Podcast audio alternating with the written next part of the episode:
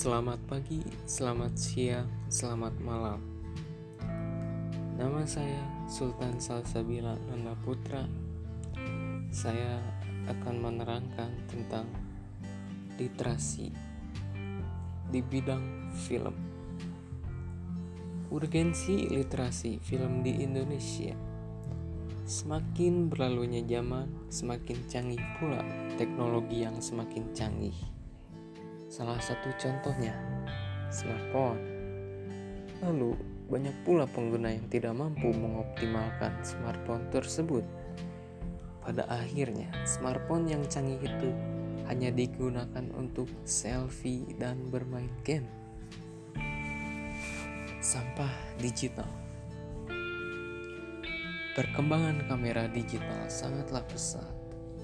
Yang dulunya hanya bisa memfoto sekarang tersedia pula fitur video dan dilengkapi audionya. Tetapi, lagi-lagi karena minimnya literasi media, maka kamera-kamera tersebut yang dibeli dengan harga yang tidak murah hanya menjadi pajangan. Kalaupun digunakan, lebih banyak menghasilkan sampah digital. Kenapa sampah digital? Karena pengguna kamera maupun kamera smartphone tidak memiliki kemampuan artistik dalam menghasilkan foto dan video dengan baik. Di zaman saat ini, kebanyakan orang-orang hanya mengejar like, views, dan ketenaran. Dengan demikian, mereka akan melakukan tindakan apa saja yang membuatnya menjadi terkenal bahkan tindakan bodoh pun dilakukan. Maka dari itu, rangkaian peristiwa tak menyenangkan ini berawal dari buruknya literasi media digital, tak mengerti cara menggunakannya dengan baik, dan tak paham apa-apa saja yang tak boleh dilakukan dengan perangkat tersebut. Literasi perfilman Literasi dalam kehidupan kita sering sekali Contohnya, di saat kita menonton film, entah itu di TV, bioskop, maupun di smartphone. Namun, itu hampir tidak ada edukasi tentang cara mengapresiasi tontonan dengan baik. Literasi film, atau dulu disebut apresiasi film, sudah semestinya diajarkan sejak sekolah dasar.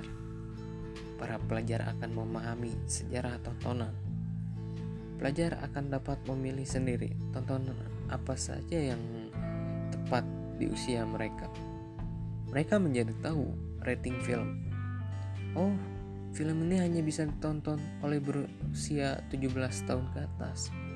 Oh, film ini untuk segala usia. Literasi film sangat erat kaitannya dengan literasi media.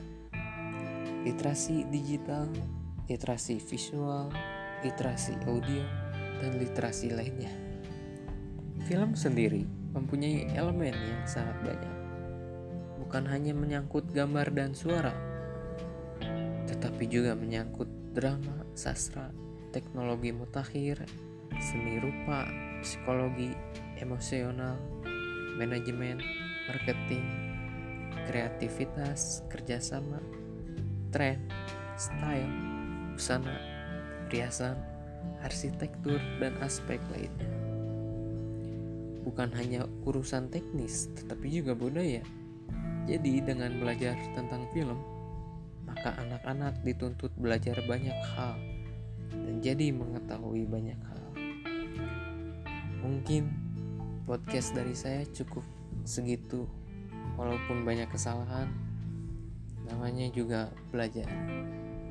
Terima kasih.